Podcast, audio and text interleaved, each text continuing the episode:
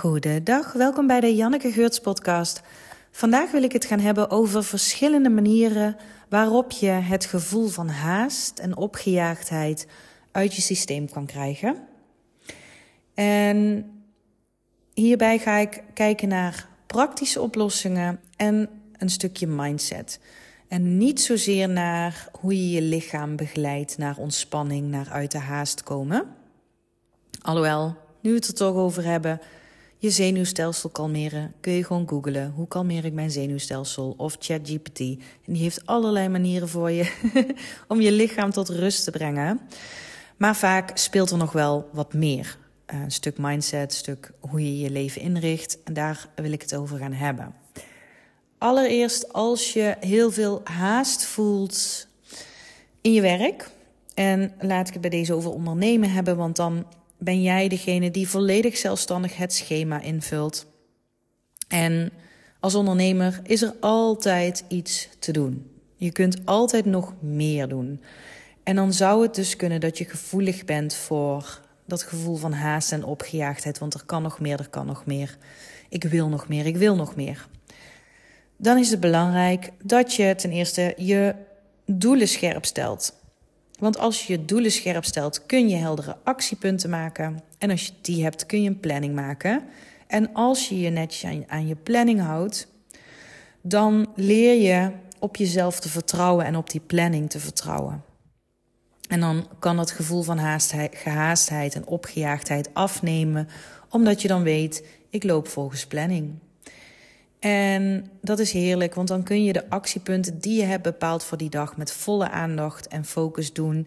In plaats van dat je een beetje aan het zweven bent in je hoofd, dat je het allemaal niet zo weet en dat je alles een beetje met halve aandacht doet, omdat je ondertussen, terwijl je mail aan het schrijven bent, denkt: shit, zou ik nu niet eigenlijk dit of dat moeten doen?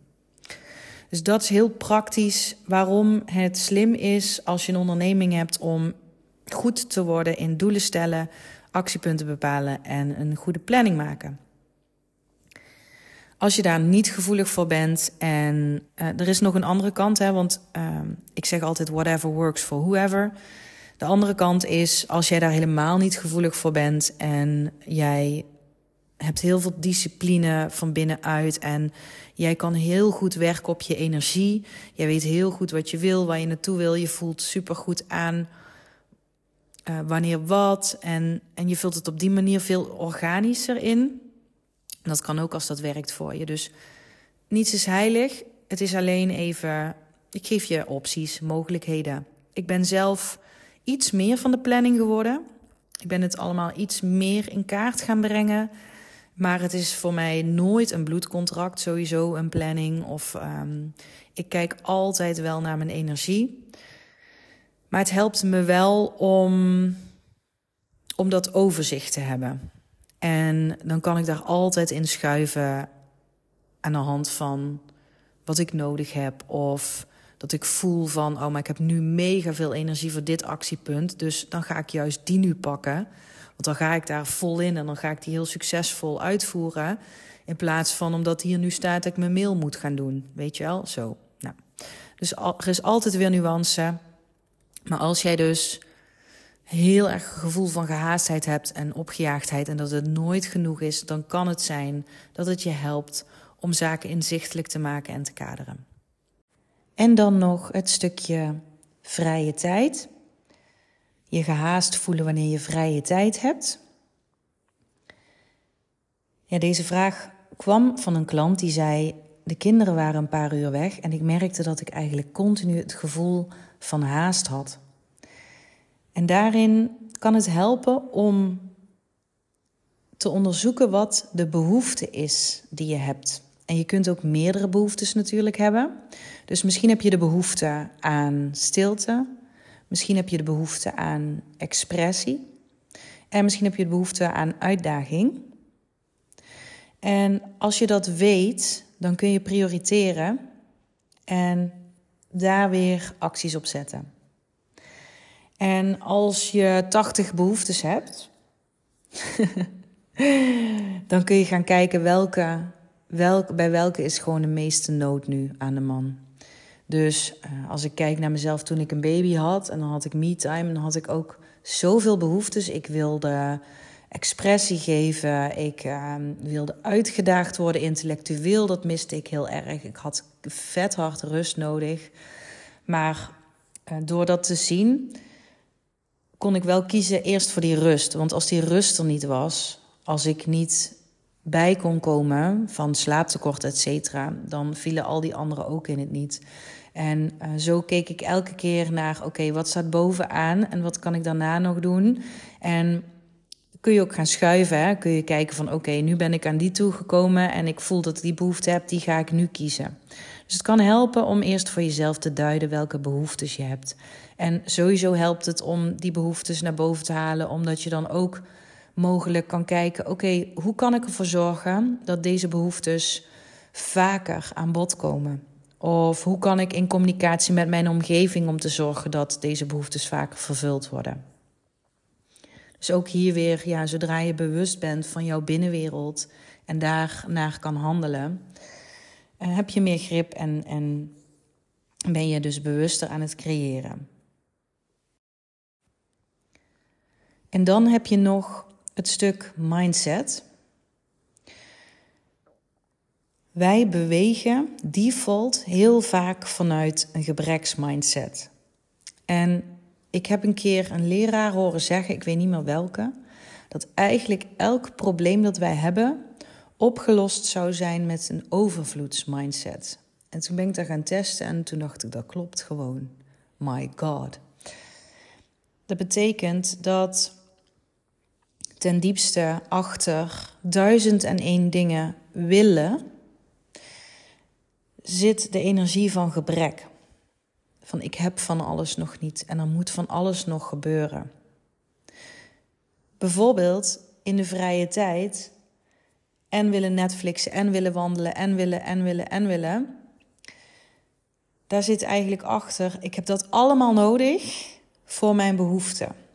Om me vervuld te voelen. En dan kom ik uit bij de kernbehoeften, de kern der kernen, of we dat nou willen toegeven of niet, en of we dat nou realiseren of niet, ten diepste zoeken we naar vrede in het hier en nu. Dus dat we willen zijn waar we zijn, dat we willen doen wat we aan het doen zijn. En dat we daarin in vrede zijn. Dus dat we niet gedacht hebben van shit, nou loop ik van alles mis. Of shit, nou gaat alles mis. Of shit, nou ben ik niet genoeg. Dat zijn allemaal gedachten van onvrede. Dus in de kern willen we in vrede zijn. En als je dan een overvloedsmindset hebt, dus niet denkt shit, ik loop van alles mis, maar hey, alles is er voor mij. En niet denkt shit, nu ben ik niet genoeg, maar hey, ik ben pure overvloed. Dan heb je al een heel ander gevoel. Dan beweeg je al vanuit een heel andere plek. Want haast zegt eigenlijk, ik moet ergens naartoe rennen. Terwijl als je kijkt naar de aard van het manifest, van het aardse, van het leven van vormen, dan is er altijd iets te doen. Altijd. Je kunt altijd iets doen, je kunt altijd iets verbeteren, je, er kan altijd meer. En wil je dan echt een leven lang rennen naar meer en vanuit gebrek vliegen naar meer en voelen dat het niet genoeg is?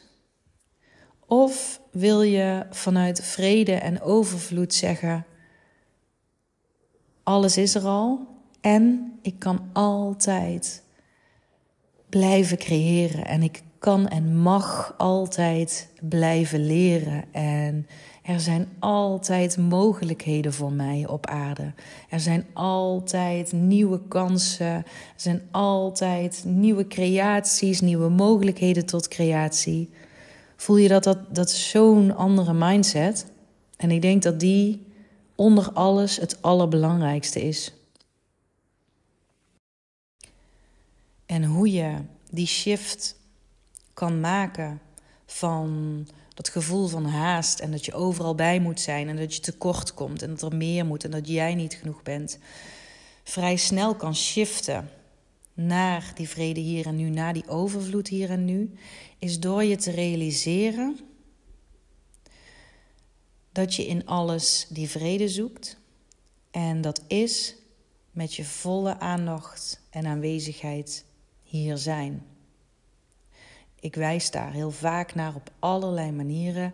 Het is het allerrijkste leven, het leven dat met aandacht geleefd wordt. En ik heb je daarin nu wat praktische pointers gegeven. En dat helpt de mind ook kalmeren. Er zijn eigenlijk allemaal manieren om de mind gerust te stellen van het komt goed, het komt goed. Maar in wezen is er geen toekomst, is er alleen hier en nu. En is kwaliteit van leven af te meten aan de kwaliteit van de aandacht die je hebt voor waar je bent. En dat kun je altijd hier en nu, altijd. Stel, jij hebt nog niet de baan die je zou willen, dan nog. Als jij met een klant praat, kun jij ofwel jezelf opsplijten naar ik wil andere klanten, ik wil een ander werk. En dan is dat moment een moment van gebrek en van missing out. Ofwel je pakt de stelregel, aandacht en aanwezigheid bepaalt de kwaliteit van mijn leven. En je verbindt je volledig met deze heilige persoon, andere vorm van leven die voor jou zit. En daaronder zit voor mij dan ook weer echt een mindset dat alles altijd perfect klopt voor mijn hoogste goed. Dus dat, dat er geen verkeerde ontmoetingen zijn, geen verkeerde planningen, geen verkeerde timing, geen verkeerd moment voor iets. Ik kan me alleen verkeerd verhouden. En zelfs dat is niet verkeerd. Het is alleen gewoon een minder prettige ervaring dan dat ik met mijn volle aandacht en aanwezigheid er ben. Dus als jij kiest in je vrije tijd om te Netflixen, kijk die serie, ga erin op, laat het toe, geniet ervan. Dat is zo anders dan die serie kijken en ondertussen denken: ja, shit, ik wil daar nog wel wandelen. Ik, hoop wel, ja, ik, hoop wel dat ik genoeg tijd heb om te wandelen. Even kijken, hoe lang kan ik dadelijk dan precies wandelen? Dan ben je weg. En dan ga je wandelen en dan denk je: oh shit, ik heb eigenlijk niet echt genoten van die serie net. Oké, nou nu ben ik aan het wandelen. Even denken: moet ik al terug wandelen? Wat ga ik dadelijk ook. ja, zo'n leven wil ik niet leven. Dat, dat vind ik zo zonde. En, um, en hopelijk draagt deze podcast eraan bij voor je om te realiseren dat de rijkdom dus zit in de aandacht en aanwezigheid. Nog een ander voorbeeld. En stel dat je gelooft dat je haast hebt omdat je gelooft dat jouw kwaliteit van leven pas goed is op het moment dat jij op Bonaire woont. En dan uh, woon je op Bonaire. En dan geloof je op dat moment dat jouw leven pas goed is op het moment dat je veilig kan stellen dat je voor altijd op Bonaire kan wonen. En dan heb je dat veilig gesteld en dan geloof. Het, is, het ego houdt nooit op met the next best thing. Het ego, het denksysteem, wil jou continu veiligstellen en ziet continu op de tijdlijn daar problemen voor en dat daar meer voor moet gebeuren en dat er andere dingen voor moet gebeuren. Die kent geen vrede. Realiseer je dat? Het denksysteem is niet voor vrede, is niet voor aanwezigheid. Het denksysteem is voor planning, voor anticipatie. En zet het daar ook voor in. En niet voor jouw geluk en vrede en aanwezigheid. Oké, nou, dit was hem geloof ik voor nu. Oh ja, ik had, ik had hier nog iets opgeschreven. Dat doe ik niet vaak, maar dit is ook opgeschreven. Dat wij vaak denken, kiezen is verliezen. Misschien loop ik wat mis, misschien loop ik heel veel mis. Uh, dadelijk heb ik de verkeerde keuze gemaakt. En de omkering is kiezen is niet verliezen. Want het is winnen aan kwaliteitsaandacht. Als ik ervoor kies om vol bij mijn kind te zijn en niet ook nog ondertussen mijn mail te openen, dan win ik aan aandacht. Dan win ik aan gecentreerd en aanwezig zijn, aan rust in mijn lijf en daarmee aan draagkracht. Kiezen is winnen. Ja. En oh ja, en als je dan dus kiest, commit je dan ook. Dus je hebt gekozen om te Netflixen, commit je aan die serie, ben erbij. Je hebt gekozen om een half uur met je kind te spelen, commit je aan die keuze, ben erbij. Dan kan die gehaastheid en die opgejaagdheid ook wegvallen, omdat je hebt gekozen en omdat je commit. Nou, ja, dat was hem. Oké. In de hoop dat het je dient. Uh, als je het leuk vindt, dan uh, koppel iets naar me terug hierover. Je kunt me vinden op Instagram. En dan uh, wens ik je voor nu een heerlijke aanwezige dag. Bye bye.